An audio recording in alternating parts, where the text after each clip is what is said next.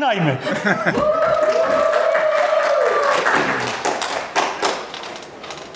Dzień dobry. To zamykam. Tak lepiej? Tylko teraz notatek nie widzę, nie wiem. Dobrze, to witamy bardzo serdecznie wszystkich e, znajomych i nieznajomych, wszystkich uczestników konwentu, którzy zaszczycili nas swoją obecnością.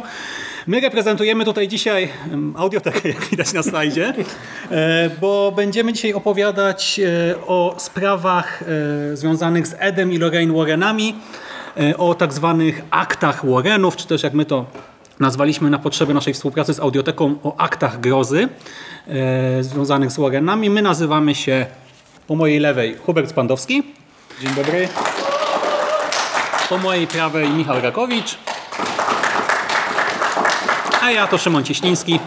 E, witam raz jeszcze. E, I e, w ubiegłym roku, tak naprawdę już wiele lat temu zainteresowaliśmy się Edem i Lorraine Warrenami w związku z filmami z uniwersum obecności. The Conjuring Universe, filmy Jamesa Wana wprowadziły te postacie do dyskursu powiedzmy e, kulturowego, popkulturowego, filmowego E, i te filmy epatowały tym, że są oparte na tych prawdziwych aktach, prawdziwych łowców duchów. E, Jakby nie patrzeć, dla nas jako fanów horroru od wielu, wielu lat i zawodowo, i amatorsko, i hobbystycznie się tym zajmujemy, także naukowo, był to taki bodziec, by wziąć się za ten temat, tak? by sprawdzić konkretnie, e, co te osoby robiły, czy w ogóle czy one rzeczywiście istniały, czy może to jest jeden z tych wielu filmów e, tak, opartych na prawdziwej historii, e, o której nikt w życiu nie słyszał, tak? bo i takie przecież się zdarzają. I Właśnie na potrzeby konwentów zaczęliśmy przygotowywać prelekcje o horrorach opartych na faktach, w tym innymi o filmach Obecność, Obecność 2 e, czy Annabelle. I jako, że wykonaliśmy ten wstępny research, już mniej więcej wiedzieliśmy z czym to się je, no to poszliśmy za ciosem i właśnie dla audioteki przygotowaliśmy Osiem odcinków o e, siedmiu sprawach Warrenów, plus taki odcinek wstępny o ich życiu, filozofii, działalności ogólnie, jak oni rozumieją w ogóle zjawiska przyrodzone i to się nazywa Akta Grozy Warrenowie. E, I też przy okazji różnych komentów o części spraw opowiadaliśmy. Dzisiaj opowiemy o trzech, o których dotychczas praktycznie mowy nie było. No ale zacznijmy właśnie od e, samej dwójki naszych głównych aktorów. E, Po lewej widzimy Eda Warrena, po prawej Lorraine Warren. Te szare zdjęcia to są ich prawdziwe zdjęcia tych realnie istniejących historycznych postaci, zaś na środku widzimy kadr z filmu Obecność i aktorów. Po lewej Patrick Wilson. Tu się jest. Tu jest prawa, tak? Jest na odwrót. To, to po prawej Patrick Wilson, e, po lewej Vera Farmiga. E, Urodzili się e, w latach 20. e, w Connecticut, Ed w 1926, Lorraine rok później. I jak sami piszą, bo jeżeli chodzi o ich biografię, no to oni sami są źródłem tych opowieści o ich młodości i życiu. Ed twierdzi, że e, za młodu zobaczył ducha zmarłej właścicielki domu, który jego rodzina wynajmowała, a poza tym też śnił o duchu, znaczy śnił o pewnej zakonnicy. Nie wiedział o co chodzi, jakaś zakonnica, która była strasznie umęczona tym życiem w zakonie. Miała tam strasznie ciężko e, i potem okazało się, że to podobno była jego zmarła ciotka, tak więc znowu śnił o duchu. To sprawiło, że zaczął interesować się zjawiskami nadprzyrodzonymi, czytać książki na ten temat, między innymi na przykład książkę Harry'ego Price'a o najbardziej nawiedzonym e, miejscu w Wielkiej Brytanii, czyli o plebanii w Borley, której poświęciliśmy jeden odcinek drugiego sezonu naszej audycji, który pojawi się tej, tego roku jesienią. Zaś Lorraine nie widywała duchów, ale za to e, miała podobno dar widzenia, widzenia aury, jak to czytamy e, w książce na ich temat. W jakiś sposób dostrzega stan duchowy danej osoby w trzech jego warstwach, odzwierciedlających jej fizyczną, emocjonalną i duchową kondycję. No i nasi Warrenowie e, w- zaczynali jako malarze i tropiciele duchów. E, Dosłownie, oni podróżowali po Stanach, po miejscach, które miały jakieś legendy związane z duchami, opętaniami, etc. Malowali obrazy tych domów i przy okazji robili taki mini research, początkowo dla siebie, potem zaczęli to archiwizować na temat tych zjawisk nadprzyrodzonych. E, I w 1952 założyli nowoangielskie Stowarzyszenie Badaczy Zjawisk Spirytystycznych, czyli najstarszą w Nowej Anglii e, organizację zajmującą się właśnie tropieniem duchów. E, W Nowej Anglii, no bo na świecie jest sporo starszych, tak między innymi w Wielkiej Brytanii takie badania były prowadzone dużo wcześniej. I w 1962 założyli tak zwane Muzeum Okultystyczne, które widzimy tutaj na zdjęciach, w którym zaczęli gromadzić artefakty związane z nawiedzonymi miejscami. Więc to nie jest tylko wątek filmowy. Jeżeli oglądaliście Obecności czy Anabel, no to na pewno kojarzycie tę przestrzeń, gdzie oni zbierają te artefakty. Oni w swoim domu także te artefakty mają, e, przy czym e, taka Anabel na przykład, e, której nie wolno dotykać, prowokować, ani nic, jeździ z nimi też po restauracjach, tak? jako taki obwoźny, jarmarczny, jako taka atrakcja, nie obwoźna. Więc tak, trzeba mieć do tego pewien dystans e, i jako wierzący katolicy zaczęli współpracować z egzorcyzmami, e, nazwali siebie sami demonologami, zaczęli odwiedzać te historyczne podobno nawiedzone lokacje już bardziej jako badacze niż po prostu hobbyści i malarze też amatorzy. E, i e, stali się w którymś momencie w tym swoim regionie, nie na całe Stany tak naprawdę, no częściowo też, no bo byli w którymś momencie popularni, ale bardziej w swoim regionie tymi osobami pierwszego kontaktu. Czyli do nich się odzywali ludzie, czy oni wyszukiwali ludzi, którzy rzekomo mają problem z jakimś duchem czy innym bytem i oni mieli zbadać sprawę, zobaczyć, czy to na pewno jest coś nadprzyrodzonego i przy okazji, jeżeli da radę, no to pomóc, być może zorganizować jakiś egzorcyzm, etc. Przy czym ta ich współpraca z Kościołem też jest troszkę przez nich naginana, bo w sprawach, którymi my się zajmujemy, bardzo często okazuje się, że Kościół e, no, nie sprzyjał im, nie pracował z nimi. No i szczyt ich działalności to ostatecznie lata 70. XX wieku. E, to też jest zresztą okres takiej laicyzacji boomu na okultyzm nadprzyrodzone, czarostwo, etc. E, oni się znaczy, śmieją trochę, ale mają taki cytat w kilku wywiadach, gdzie mówią, że właśnie wtedy po prostu w każdej drogerii, aptece, wszędzie można było e, dostać na przykład tabliczkę Ouija, także to był taki czas. Więc jakby nie patrzeć, woda na ich młyn. No i no i w sumie e, właśnie te informacje pochodzą między innymi z publikacji Ed i Lorraine Warren Demonolodzy, książka Geralda Brytla. To jest ich stały współpracownik. Nie napisali z nim wszystkich książek, ale kilka swoich spraw właśnie z nim wspólnie opisali i teraz są problemy, jeżeli chodzi o e, na przykład prawa autorskie przy ekranizacjach, tak? bo Brytl chciałby zarobić trochę więcej jako współtwórca książek, a nie zawsze no, tak się dzieje. No i według... po roku z Warrenami. Nie, bo kolega sobie jakieś chyba inne notatki wydrukował, ja będę trochę krócej. E, Warrenowie dzielą duchy na ludzkie i na nieludzkie. Natomiast ludzkie dzielą się na zjawy, jeżeli da się rozpoznać ich rysy, e, i na wiedziadła. Duch nieludzki jest istotą, której nie zdarzyło się chodzić po ziemi w ludzkiej postaci. Uważa się, że ten nadprzyrodzony byt jest obdarzony negatywną, diaboliczną inteligencją, pała też odwieczną nienawiścią do człowieka i Boga. Ja przepraszam, ale ja mam naczytanie i ja was nie widzę, także nie będę na was patrzał. I to czytanie boli, nie? Spogląda też na ciebie. Ed Warren na nas patrzy. Tak. I emanacje demoniczne to są następujące zjawiska. Intensywność e, światła, światło słabnie, temperatura spada, robi się zimno, e, odgłos zawodzenia wiatru. Oni często powtarzają, że jest wiecznie i zimno, znaczy, że coś się dzieje. E, zapach siarki. O Jezus. To ten zapach siarki. E, no i tego typu rzeczy. Natomiast etapy działalności duchów nieludzkich e, to jest e, nawiedzenie, to jest ten pierwszy etap, takie bazowe uciążliwości, robi się zimno, postukiwania i te rzeczy. Dręczenie, czyli zjawiska eskalują i ostatecznie opętanie, czyli śmierć. I co bardzo ważne, a co później nie zawsze będzie się zgadzać, zgodnie z nomenklaturą Warrenów zło trzeba zaprosić. E, Warrenowie bardzo często, gdy robili wywiad z osobami, które się do nich zgłaszali, zadawali im py trzy pytania. Czy ktoś pije, czy ktoś pali, czy ktoś bawił się tabliczką Ouija. Tak, czyli niekoniecznie odprawić rytuał na zasadzie wejdź we mnie e, Belialu, nie trzeba otworzyć Lemegetonu, znaleźć sobie ulubionego demona i wezwać jego legionów e, do pomocy. Wystarczy, że się kupi od Hasbro, tak, bo Hasbro ma licencję, tabliczkę Ouija i się z siostrą odprawi tam seansik na zasadzie ty ruszyłaś, nie, ty ruszyłaś, tak? E, tym przyciskiem, który no tam ja jeździ na przykład przed chwilą już... widziałem, kto palił przed budynkiem, bo też paliłem. Także jesteśmy zagrożeni. Ale nie, śmieszki na bok, śmieszki na bok, przechodzimy do spraw. Tak, przejdźmy do pierwszej sprawy, czyli do Poltergeista z Enfield. E, Sprawy, która uchodzi za jedną z najlepiej opisanych i najbardziej znano, znanych spraw, jeżeli chodzi o mm, zjawiska paranormalne e, i jej początek datuje się na sierpień 1977 roku. I jest to sprawa, o której Ed Warren e, wspominał, że przy Enfield Amityville, e, o którym zapewne wszyscy Państwo słyszeliście, to piaskownica. Tak, to mowa o tym Amityville, e, o którym powstało więcej filmów No. niż jest tutaj na sali, nas na pewno. A podejrzewam, że zanim skończymy tą prelekcję, to jeszcze je jakieś nakręcą.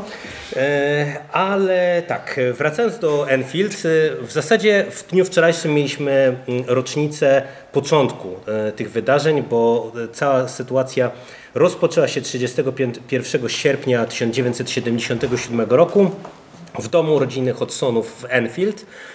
Rodzina Hodsonów e, składała się z e, samotnej matki Peggy Hodson oraz e, jej czworga dzieci, dwóch sióstr Margaret i Janet oraz synków Johnego i Billego. I tutaj istotna informacja, jeżeli będziecie Państwo czytać książkę, która została u nas wydana na ten temat, Poltergeist, przypadek z Enfield, e, tutaj nazwiska tych osób zostały zmienione, bo ta książka powstała relatywnie niedługo po tych wydarzeniach, więc tam jeszcze próbowano zanonimizować e, dane tych osób. Trochę nie wiadomo dlaczego, bo ta sprawa była publiczna, no ale niemniej jakby uczulam Znaczy tutaj może w ogóle uczulmy, że gdyby ktoś chciał śledzić e, poszczególne sprawy, to bardzo często w książce Warrenów jest jeden zestaw nazwisk, w rzeczywistości drugi, w filmie trzeci, a czasami jest kilka filmów i kilka filmów ma kilka zestawów nazwisk i można zgłupieć, e, co... Ale to samo jest z wydarzeniami. Te nasze podcasty trwały często po godzinę, godzinę 20, bo mieliśmy trzy linie wydarzeń. Książka, film, drugi film i rzeczywistość. E, tutaj jednak staramy się, postaramy się to trochę... Tak, tutaj jednak skrótowo to traktujemy. E, I tak, tego 31 sierpnia e, zaczęły dziać się niepokojące wydarzenia w e, domu Hodsonów. Zaczęły poruszać się meble, słychać było jakieś podejrzane stukanie w ścianach i jakoby po domu zaczęły latać nagrzane kulki. No i to doprowadziło do tego, że Peggy Hodson Zadzwoniła po policję, e, pojawił się patrol policyjny, w tym m.in. posterunkowa Caroline Hibbs, e, która jest bardzo istotą, istotną postacią dla sprawy, dlatego że to ona później w zeznaniach e, opowiedziała o tym, że także, bo nie była jedyną świadkinią tej sytuacji, widziała jak krzesło samoczynnie przesunęło się po podłodze, co później było kwestionowane, ale do tego dojdziemy. Oczywiście policja nie znalazła przyczyny tych wydarzeń. E, Rodzina została z nimi sama. E, Jako, że ta sytuacja była powtarzalna, czyli cały czas stukanie, poruszanie się mebli, e, trzaskanie szuflad itd., itd., sąsiadka Hodsonów przepraszam, Peggy Nottingham zasugerowała po kilku dniach e, telefon do Daily Mail jako taką deskę ratunku dla rodziny. Być może po upublicznieniu sprawy znajdzie się ktoś, kto będzie w stanie im pomóc. E, I tak e, pojawili się w domu rodziny Hodsonów Douglas Benz oraz Graham Morrison, czyli fotograf, który jest autorem wielu słynnych zdjęć kojarzonych ze sprawą. I wtedy e, doszło do ataku klockami Lego, jak się mówi o całej tej sytuacji, dlatego że po domu zaczęły latać klocki Lego.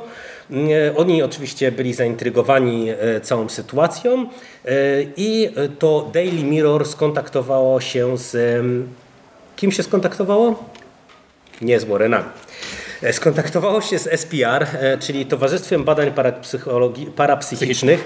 E, To jest organizacja założona już w 1882 w Wielkiej Brytanii, dosyć renomowana, która zajmuje się właśnie badaniem i weryfikacją zjawisk paranormalnych. Z tego zainteresowania zjawiskami w Wielkiej Brytanii pojawiły się takie dwie grupy, koło Londynu oczywiście skupione. E, To był Ghost Club, klub e, duchów i to była organizacja takich osób wierzących, tak, przekonanych, że ten świat duchowy otacza nas wszędzie, e, wokół nas są jakieś dziwne byty, tam też między innymi no, wielu pisarzy grozy działało, a drugą organizacją był właśnie SPR, i to była taka organizacja bardziej nastawiona na naukowe podejście, jednak weryfikację, czyli ludzie nie do końca przekonani. I z ramienia SPR został skierowany do sprawy Maurice Gross, który będzie kluczową postacią w całych tych działaniach wokół Enfield, a kolejno 10 września ukazał się już w Daily Mirror artykuł na pierwszej stronie gazety, a 12 września dołączył do Maurice'a Grossa Guy Lyon Playfair, czyli autor książki, która została później o Enfield napisana. I tak naprawdę przez bardzo długi okres czasu e, sytuacja wyglądała tak, że ci badacze niemalże zamieszkali z tą rodziną, e, ale sprawa niespecjalnie eskalowała. Czyli mieliśmy do czynienia z takimi drobnymi uciążliwościami. E, stukanie, pukanie, coś tam polatało teoretycznie po pokoju, nie wiem, dzieci zostały wyrzucone z łóżka i tego rodzaju kwestie. Ale nastąpiła w grudniu 1977 roku, czyli no po już kilku miesiącach tak naprawdę funkcjonowania całej tej sprawy, e, skokowa eskalacja i tutaj mieliśmy kilka wydarzeń, które się zapisały właśnie w historii badań zjawisk paranormalnych.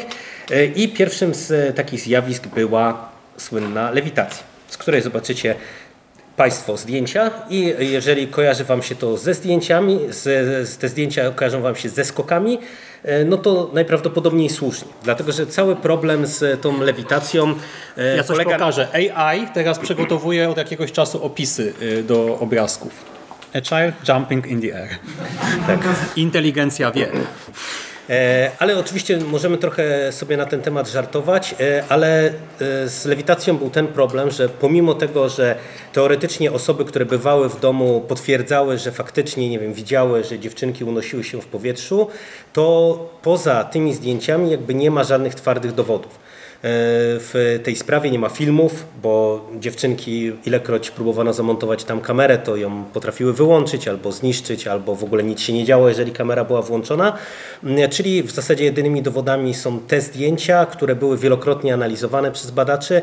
No i raczej wszyscy sugerują, że patrząc na pozycję ciała dziewczynki, patrząc na e, ułożenie jej nóg, tego jak wygląda cała ta sytuacja, no to raczej mamy do czynienia ze skokiem, a nie z lewitacją, która no, powinna być uniesieniem ciała do góry.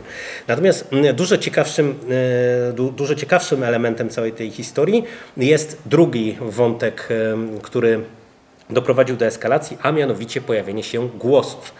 Mm, dlatego, że e, dziewczynki, e, głównie Janet, bo to wokół Janet młodszej z nich koncentrowała się cała ta sytuacja, zaczęły w grudniu tego 77 roku mówić głosami. I e, to jest o tyle interesujące, że e, cała sytuacja została niejako sprowokowana przez badaczy.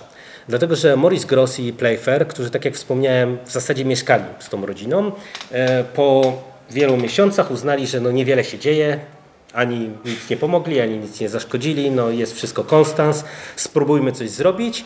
E, więc e, postanowili trochę też tak po dziecięcemu porozumieć się z tym poltergeistem. No i najpierw to były proste zabawy na zasadzie, jeżeli nas rozumiecie, jeżeli nas słyszycie, to tam stuknijcie w ścianę dwa razy na tak, raz na nie. No oczywiście zaczęły się stukania, panowie badacze zjawisk byli zaintrygowani, no ale bardzo szybko przekonali się o tym, że to nie jest tylko tak, że właśnie nasz poltergeist będzie się bawił w stukanie i pojawiły się głosy. Najpierw e, były to głosy w zasadzie takie odzwierzęce, czyli dziewczynki warczały, harczały, to brzmiało jak jakieś szczekanie, nie wiadomo w zasadzie co, mm, a później zaczęły mówić takimi niskimi, harczącymi, najpierw jednym głosem, później głosami e, i e, zaczęło opowiadać między innymi o dziesięciu paskodnych mm, istotach, które właśnie zamieszkują ich domostwa, one są niejako tym przegaśnikiem. I e, tutaj e, chcielibyśmy wypuklić jeden bardzo ciekawy wątek, dlatego że jedną z postaci, które one wymieniały jako te głosy, które e, są przez nich, prze, przez nich przemawiające, był niejaki Fred Watson, czyli Bill Wilkins. To nazwisko Fred Watson się pojawia w różnego rodzaju źródłach, ale później mówiło się o Billu Wilkinsie. I e, Janet w ramach jednej z e, takich rozmów e, tym głosem powiedziała, że nazywam się Bill Wilkins, przyszedłem z Durance Park, to był pobliski cmentarz, mam 72 lata, byłem ślepy, miałem krwotok i upadłem zasypiając w fotelu na dole. I to jest element, który był przez lata bardzo mocno podnoszony przez ludzi wierzących jakby w te wydarzenia, dlatego że Bill Wilkins jest postacią autentyczną. To wokół niego zresztą kręci się historia poniekąd i w obecności drugiej, i w serialu Duchy z Enfield, czyli mini produkcji BBC, która się koncentruje właśnie też na tych wydarzeniach. I to jest nazwisko o tyle interesujące, że tak jak wspomnieliśmy, to była postać autentyczna. Mało tego, on faktycznie zmarł w domu Hodsonów w fotelu na dole. Czyli to jest prawda. E, dlaczego e, uważamy, że to jest dosyć dyskusyjna kwestia, że e, to ma być jakoby dowód na działalność zjawisk paranormalnych? Wesprzemy się artykułem ciekawym niejakiego Rogera Jamesa Morgana. To jest dziennikarz, który postanowił rozebrać to, co powiedziała Janet, czyli wszystkie te informacje, które przekazał głos, na części pierwsze. No i okazało się, że po pierwsze, Hodsonowie mieszkali w tym domu ponad 10 lat. Wiedzieli tak naprawdę, kto mieszkał wcześniej. Ta sprawa śmierci Billa Linkinsa była dobrze znana, czyli możemy domniemywać, że dziewczynki wiedziały, e, kto tam mieszkał. Po drugie, nie zgadzał się wiek, bo Bill Wilkins zmarł w wieku 61 lat i nie zgadzała się też przyczyna zgonu. Natomiast e, kto wie, czy nie najciekawszym takim elementem, no, trochę demitologizującym tę sprawę, jest kwestia tego cmentarza. Dlatego, że Bill Wilkins został pochowany na innym cmentarzu. Skąd się wziął więc Durant Park? Można domniemywać stąd, że to był pobliski do mieszkania Hodsonów cmentarz. Wilkins e, został pochowany w grobowcu rodzinnym w cmentarzu, który był oddalony, o czym właśnie dziewczynki najprawdopodobniej nie wiedziały. No i tak, to, e, tak ta sytuacja e, wyglądała.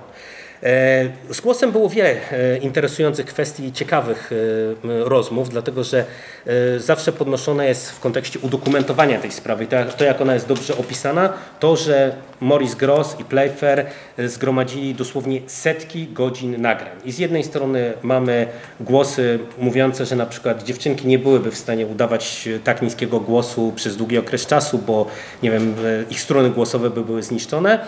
Z drugiej strony na przykład to, jak głos mówi, jakiej składni używa, jakie tematy go jak, e, potrafiły zainteresować. Weźmy na przykład początek, czyli właśnie grudzień 77 roku.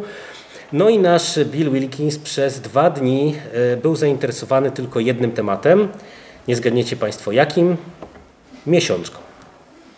Bardzo interesowała go miesiączka, e, w sensie jak wygląda sytuacja, jakby co się z tym robi, jak w kobiecym organizmie te procesy przebiegają. No i e, to jest o tyle zastanawiające, że post factum okazało się, że to, była, to były pierwsze dni miesiączki, pierwsze miesiączki Janet. No czyli to też pokazuje, że najprawdopodobniej dziewczynki emulowały, że tak powiem, pewne zachowań, imitowały ten głos, emulowały pewne historie. Co widać zresztą też ciekawie na wywiadzie, który można znaleźć w mm, internetach. E, to, jest, to są zdjęcia z tego wywiadu e, i dziewczynki wtedy opowiadały. Także dziennikarze rozmawiali właśnie z głosem i one mówiły tym głosem jakby w trakcie tego wywiadu. E, natomiast e, jeżeli Państwo go obejrzycie, to zwrócicie na pewno uwagę, że po pierwsze e, Janet miała bardzo charakterystyczny zgryz, także ta górna szczęka była wysunięta do przodu i tak jak ona mówi, to w zasadzie czy mówi głosem, czy nie, to ciężko jest widzieć, czy ona w ogóle porusza ustami, jak mówi. E, to z jednej strony. Z drugiej strony ten wywiad jest zabawny, bo dziewczynki się podśmiewują. E, trochę na pytania dziennikarza, na przykład czy im ten poltergeist przeszkadza, to opowiadają, że w zasadzie to one już się przyzwyczaiły, że, że wszystko jest tam ok e, i tak dalej, i tak dalej. E, także no, e, to wszystko sprawia, że raczej trudno uznać tę kwestię za jakoś przesadnie wiarygodną. E, co istotne, 25 maja 1978 roku SPR zdecydowało się powołać specjalną komisję złożoną z 16 członków towarzystwa, aby zrobić raport i 12 uczestników złożyło swoje raporty, nie stwierdziwszy żadnych fenomenów. A przypomnę, że badacze byli tam stale z tą rodziną. Trzy osoby e, złożyły raport, w którym sygnalizują, że być może do czegoś dochodzi. Jedna osoba uznała, że mamy do czynienia ze zjawiskami paranormalnymi i tą osobą był Morris Gross, czyli osoba najbardziej zaangażowana w sprawę. Na zdjęciu widzicie Państwo z jednej strony e, okładkę Daily Mirror, na której została opisana cała ta sprawa. E, po drugiej stronie jest z kolei strona z doktoratu Anity Gregory, która uchodzi za naczelną sceptyczkę w tej, sprawie. w tej sprawie. Anita Gregory była też członkinią SPR i ona i John Below, który był psychologiem i też członkiem towarzystwa, wielokrotnie podkreślali, że w, jej, w ich opinii jakby nie mamy do czynienia ze zjawiskami paranormalnymi, tylko no, zostało to wszystko niejako e, zakłócone, no, rozbita rodzina, e, figura ojca w postaci Morisa Grossa w domu itd., tak itd. Tak nie będziemy na to wchodzić, bo nie mamy miejsca, a na pewno Państwa interesują, co w tym układzie ta e, sprawa, o której mówimy, robi w audycji o Warrenach no, mamy obecność dwa, gdzie Warrenowie uchodzą za e, osoby, które rozwiązały tę sprawę. E, no i faktycznie Warrenowie e, byli w Enfield, z tym, że pojawili się w Enfield po raz pierwszy w czerwcu 78 roku, czyli w zasadzie pół roku po tym, jak ta sprawa się zakończyła, bo ona się, można powiedzieć najkrócej, że ona się wygasiła. Tak jak mieliśmy w grudniu eskalację, lewitację, głosy, eskalację różnego rodzaju zjawisk o innym charakterze. Styczeń był jeszcze ciężki, natomiast stopniowo, jakby w związku też z tym późniejszym e, raportem SPR i tak dalej, i tak dalej, wszyscy tracili zainteresowanie i wiarę w to. Sprawa została wyciszona, e, ale Ed e, dowiedział się o tej sprawie, najprawdopodobniej właśnie będąc być może w Borley i oni odwiedzili E, Hodsonów dwukrotnie, raz w 1978 roku, gdzie przeprowadzili transmisję radiową, zresztą z domu z Enfield oraz odprawili jakiś tajemniczy rytuał, o którym Gross nic nie umiał powiedzieć, e, a drugi raz pojawili się w 1979 roku w sierpniu, też na dwa dni i z tego okresu pochodzi podobno 13 godzin wyjątkowo szokujących nagrań, e, to są słowa za demonologami, które oczywiście nie zostały ujawnione, więc nawet trudno powiedzieć, co tak naprawdę na nich było. E, no a żeby e, połączyć to trochę z tym wstępem i o tym, e, że zawsze według Warrenów, jeżeli mamy do czynienia ze zjawiskiem paranormalnym, to do, musiało dojść do zaproszenia tej siły. Oczywiście, co stało za zjawiskami paranormalnymi w Enfield? Dziewczynki były małoletnie, więc jak się Państwo domyślacie, nie alkohol i nie papierosy, ale tabliczka Ouija. Dokładnie tak. Dziewczynki zeznały później w rozmowie z Playfairem, Mówię później, bo to już właśnie w drugiej połowie roku 78 roku, że bawiły się bodajże 4 lata wcześniej e, tabliczką Ouija, ale jak sam Playfair w swojej książce wspomina, ta informacja pojawiła się dopiero w 78 roku, dopiero po czerwcu 78 roku, więc jasno też myślę możemy założyć, że była to informacja wprowadzona przez Warrenów do całej tej sprawy. E, także no, tak to, tak to wygląda i... 50 minut. Co? Ja? Nie, nie, o czasie rozmawiam. Nie, ja już kończę. Ja już kończę. I tak, i, i, na, i na tym ja właśnie bym chciał zakończyć, że mamy tutaj w, tą tabliczkę nieszczęsną Ouija, no a sprawa w zasadzie sama ucichła. No i tak jak mówimy, ona jest dosyć dobrze udokumentowana, raport SPR jest do przeczytania, ale tylko w siedzibie towarzystwa, nigdy nie został upubliczniony. I tyle na temat Enfield. Dobrze, moja sprawa jest dużo prostsza, nie tak skomplikowana jak sprawa chłopaków i chłopacy chyba zapomnieli, że mieliśmy się streszczać, także ja też postaram się przeskakiwać i uprościć ją jeszcze bardziej, bo czas nas goni. Nawiedzony dom, sprawa rodziny Smarów. To jest, e, to nie jest tak e, znana i tak e, mm, wielowarstwowa i tak medialna sprawa jak tamte, ale postanowiliśmy ją tutaj zamieścić, bo ona jest wyjątkowa. Ona jest niezgodna z tą właśnie filozofią Warrenów, ponieważ w tym domu, w domu rodziny Smarlów, nikt nie zaprosił demona. E, co więcej, Smarlowie to była kochająca się i bardzo wierząca i praktykująca rodzina, e, więc zupełnie inaczej niż przy wszystkich innych sprawach, bo my sobie tutaj możemy śmieszkować, tabliczka Ouija i tak dalej, ale tak naprawdę we wszystkich tych sprawach wybijało się, że w tym domu jest alkohol, że to są przemocowe rodziny i ta tabliczka Ouija gdzieś tam się pojawiała, także Warrenowie tego nie wzięli znikąd. To, była, to był jakiś e, fundament w każdej tej sprawie. Warrenowie znaleźli tutaj jednak wytłumaczenie.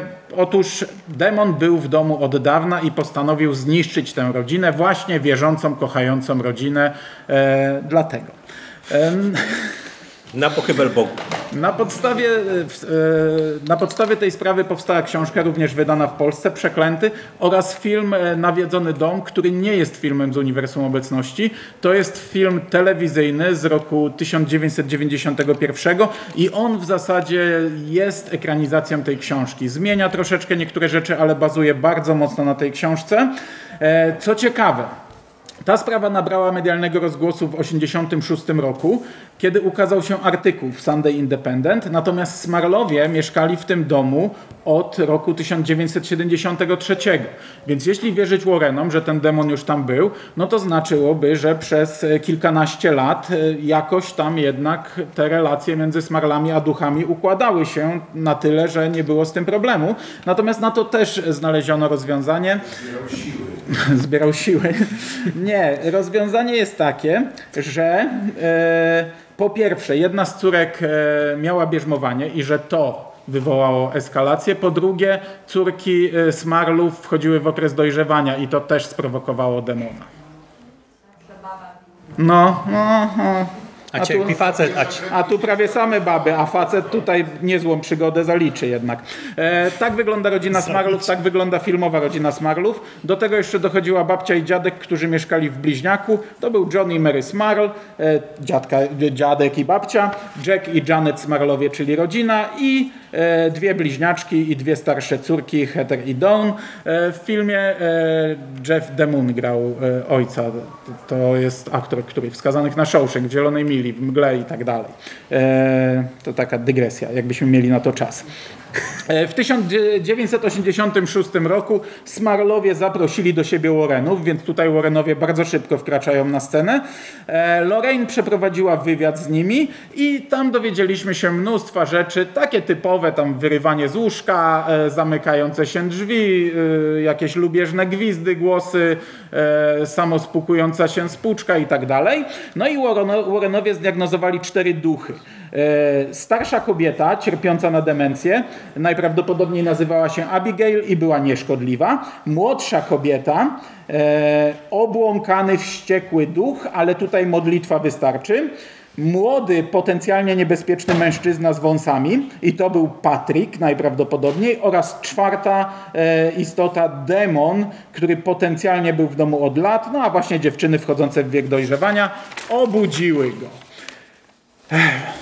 Co ważne, w tę sprawę nie chciał zaangażować się Kościół.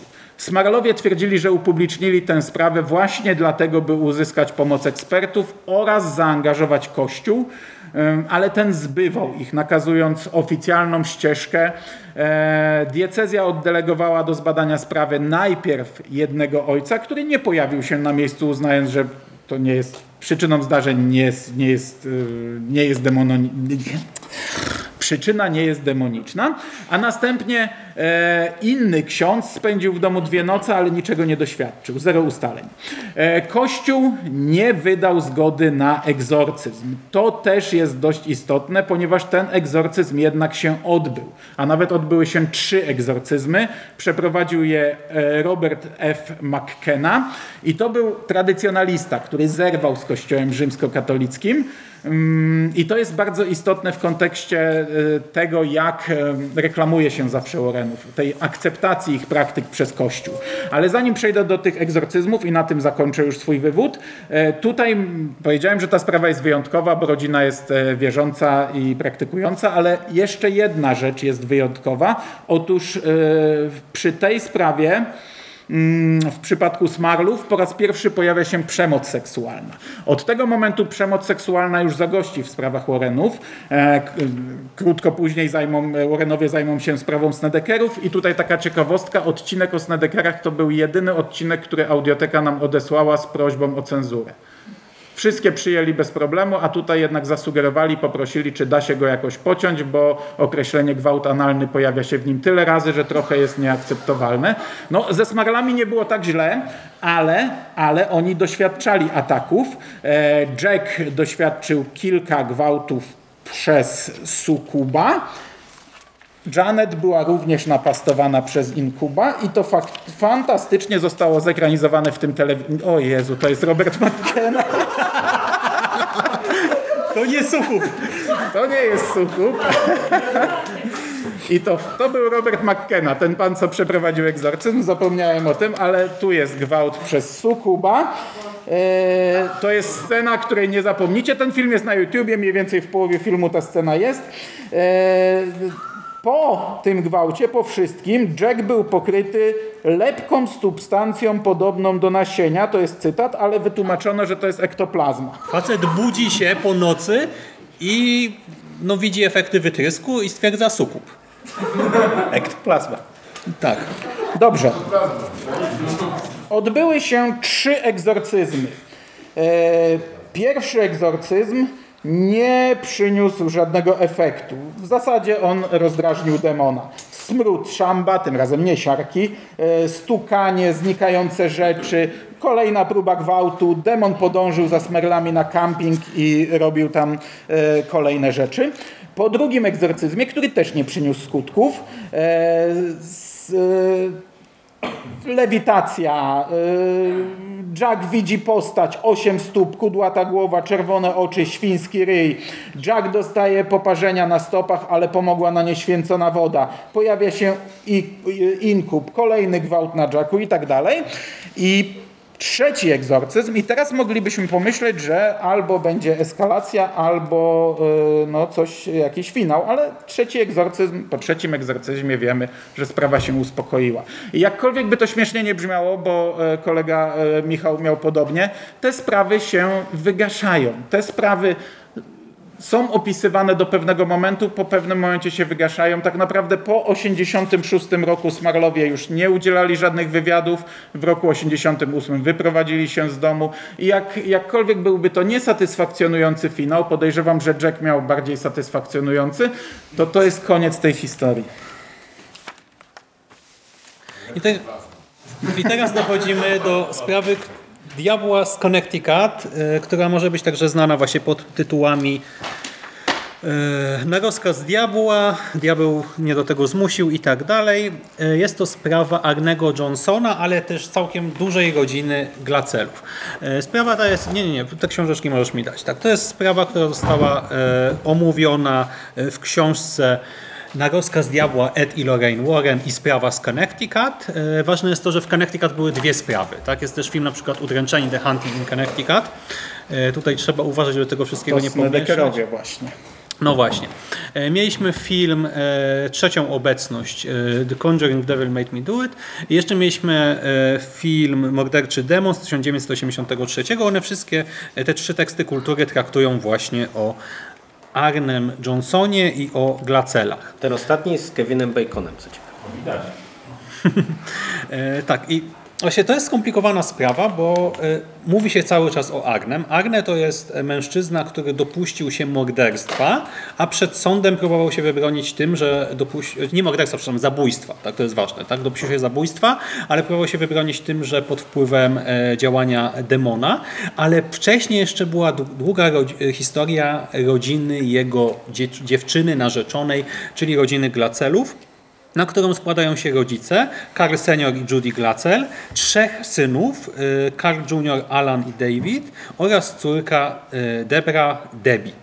No i Debbie była właśnie y, dziewczyną Agnego y, i Podobno David, najmłodszy, trochę też y, prawdopodobnie upośledzony chłopiec, y, miał ulec właśnie wpływom jakiegoś bytu demonicznego, co objawiało się najróżniejszymi rzeczami. E, Między innymi e, przepowiadał rzekomo przyszłość głosami duchów E, i to były takie fakty typu komuś coś się stanie, tak? Nie wiem, właśnie Agne e, spadnie z drzewa, coś go potrąci i rzeczywiście niby dochodziło do wydarzeń gdzieś tam y, pokrywających się w jakimś stopniu y, z tymi przepowiedniami, przy czym to też są relacje pisane po latach, więc de facto można było sobie dopowiedzieć cokolwiek. E, Na przykład pierwsza przepowiednia dotyczyła tego, e, iż siostra, czyli ta Debbie, oślepnie i rzeczywiście na samym początku sprawy chłopcy byli już w łóżku. E, Debbie chciała uściskać też swojego synka, bo ona też miała syna e, Jasona, na dobranoc i wówczas ten przypadkiem trafił jej paznokciem w oko. E, Debbie trafiła od razu na ostry dyżur e, w szpitalu New Milford Hospital, e, gdzie rzekomo właśnie e, straciła kontrolę także nad zdrowym okiem, E, więc w ten sposób spełniła się przepowiednia, ale modlitwa wystarczyła, aby ten wzrok odzyskać. Tak? Więc oślepniesz, oślepła na 5, no może nie 5 minut, tak, ale oślepła na nie wiem, 2 godziny i ten wzrok potem powrócił. Tego typu to były przepowiednie. Oczywiście... e, Dokładnie. Tak, więc e, było... Tak. E, Było oczywiście tak, że słychać różne dźwięki. Znaczy, czy jeden, nie wiem, ale tak czy siak chciałbym tak, żeby móc wstać rano, boli mnie kręgosłup, tak, jedna, jedna Maryjka, czy tam Ojcze Nasz i już przechodzi. A próbowałeś? Czego ja nie próbowałem.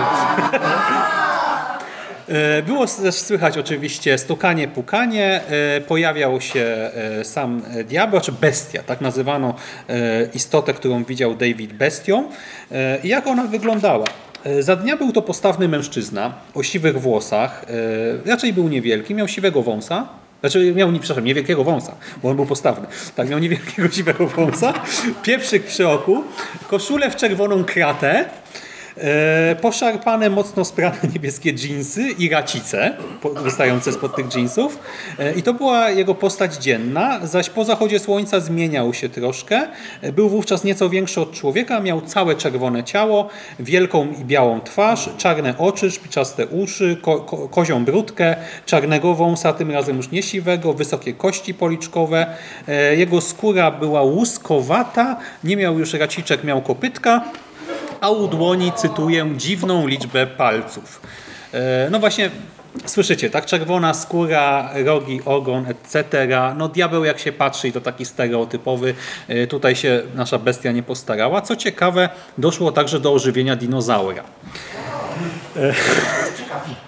Tak, 10 lipca 1980 roku syn Debbie Jason miał urodziny i dostał na urodziny takiego potężnego, prawie półmetrowego e, dinozaura. No i podobno David e, w nocy, gdy się obudził właśnie przez e, to, że był opętany, to zobaczył jak ta zabawka wyciągnęła do niego przednią łapę, nie wiem czy lewą czy prawą, tego już nam nie zdradzili, pokazała na niego i przekazała mu, że zostanie dźgnięty. No i on tam był regularnie dźgany, więc oczywiście ta przepowiednia również e, się sprawdziła i co ciekawe, ten dinozaur trafił do Muzeum Okultystycznego Eda i Lorraine Warrenów i e, można zobaczyć e, w sieci masę nagrań różnych youtuberów na przykład, którzy byli w tym muzeum. Teraz już je prowadzi Tony Spera, to jest zięć Eda i Lorraine.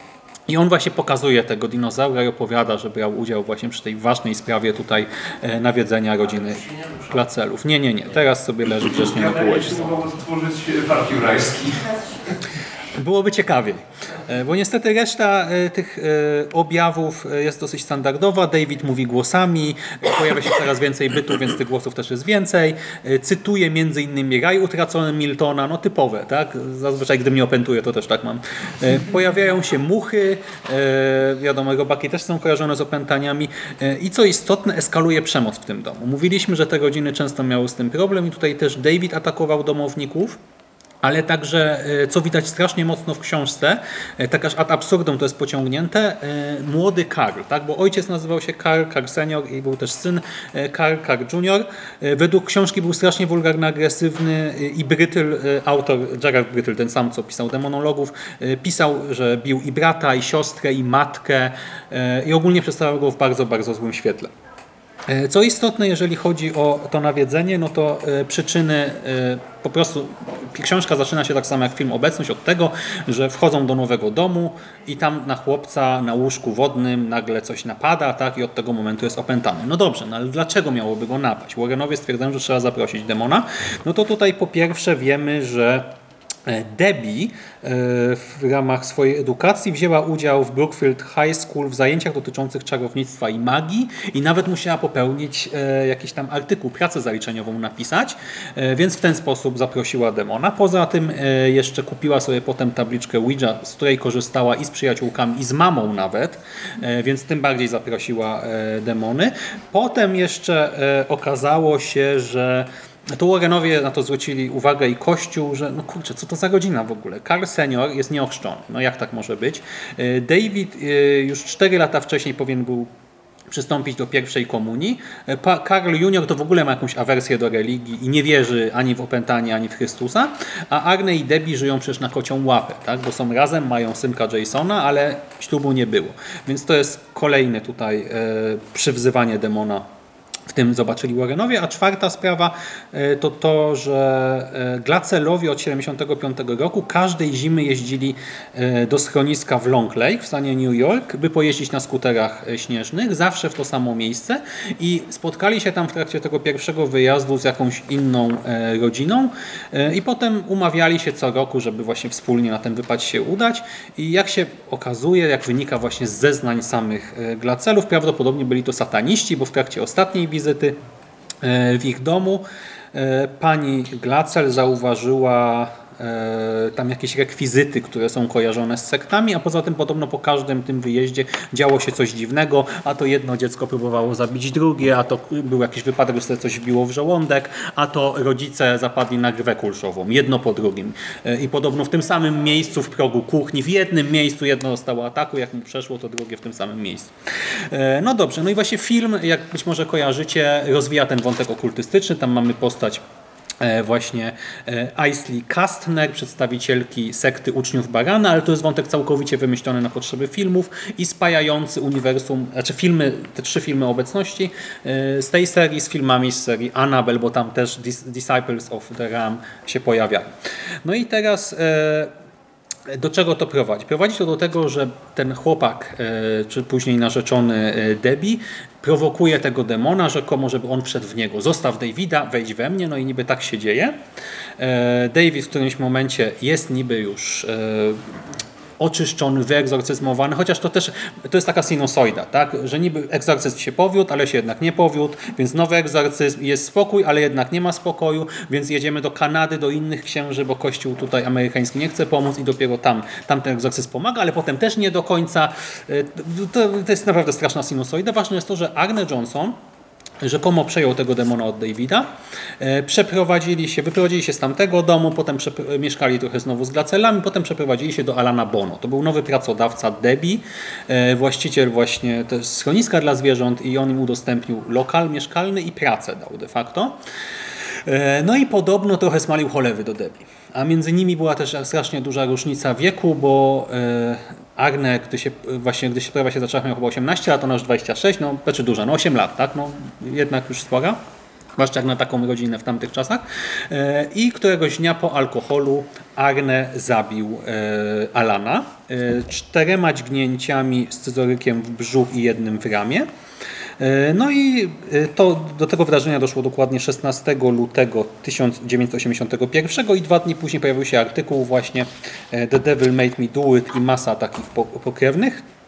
E, W październiku 28 rozpoczął się proces e, Arnego i w ramach tego procesu e, obrońca Martin Minella zapytał sędziego przysięgłego, czy wierzy w Boga. Oczywiście odpowiedział, że tak, a potem padło pytanie, czy wierzy pan w diabła. No i skoro wierzycie w Boga, no to diabeł też istnieje, tak, a tutaj doszło do opętania mocą diaboliczną, bla, bla, bla.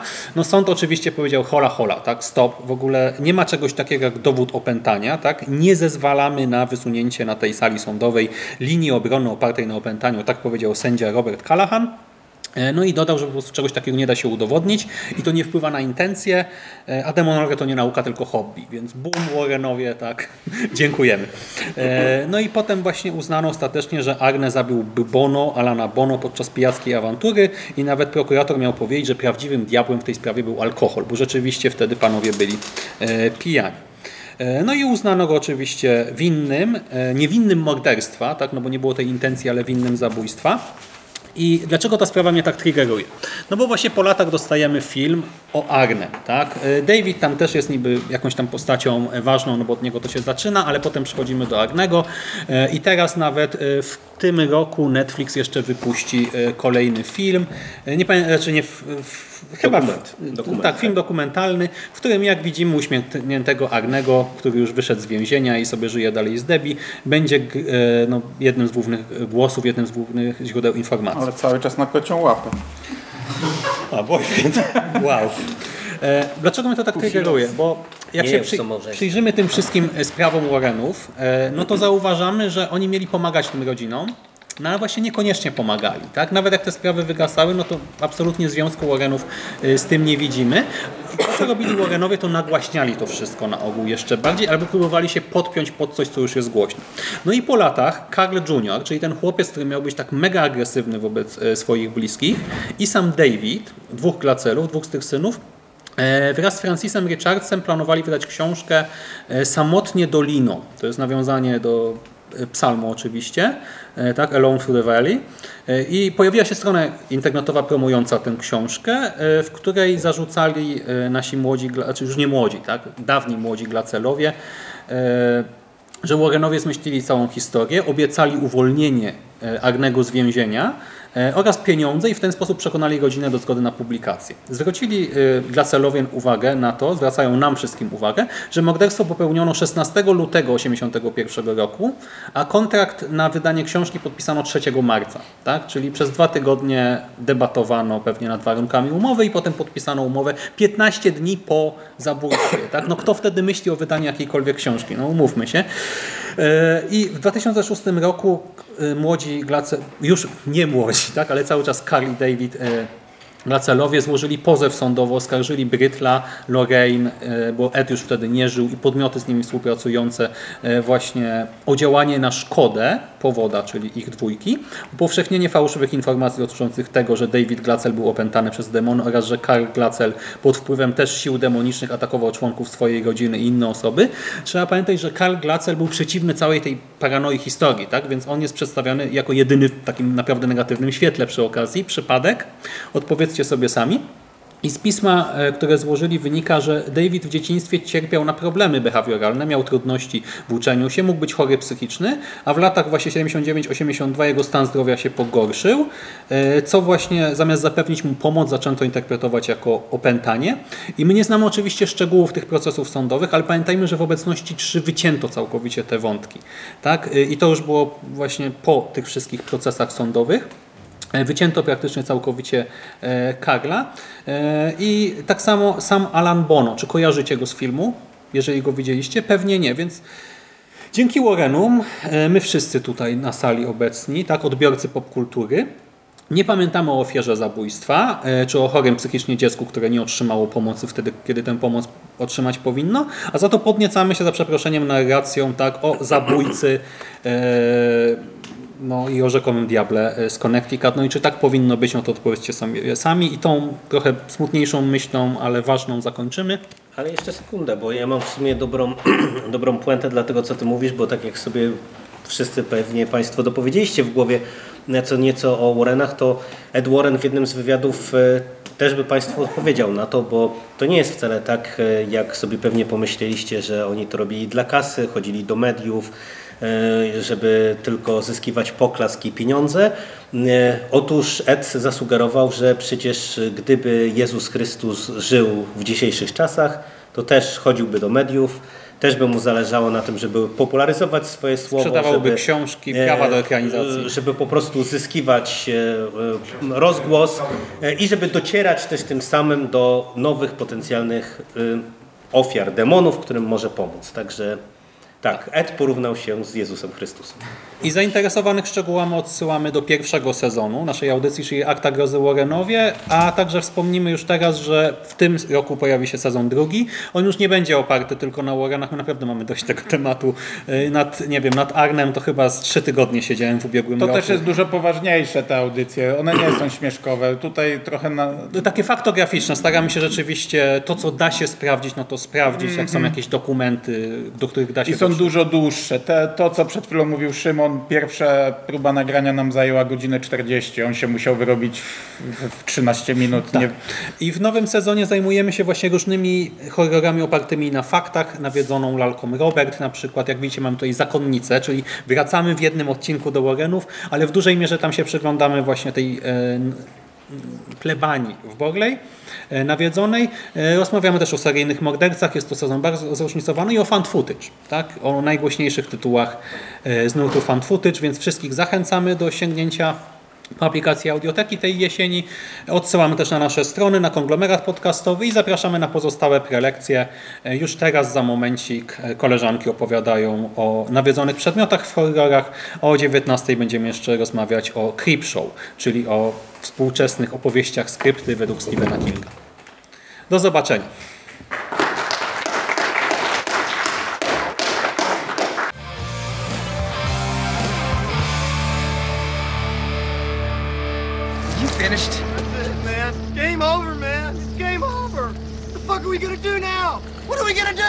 It's over. Nothing is over! Nothing! You just don't turn it off!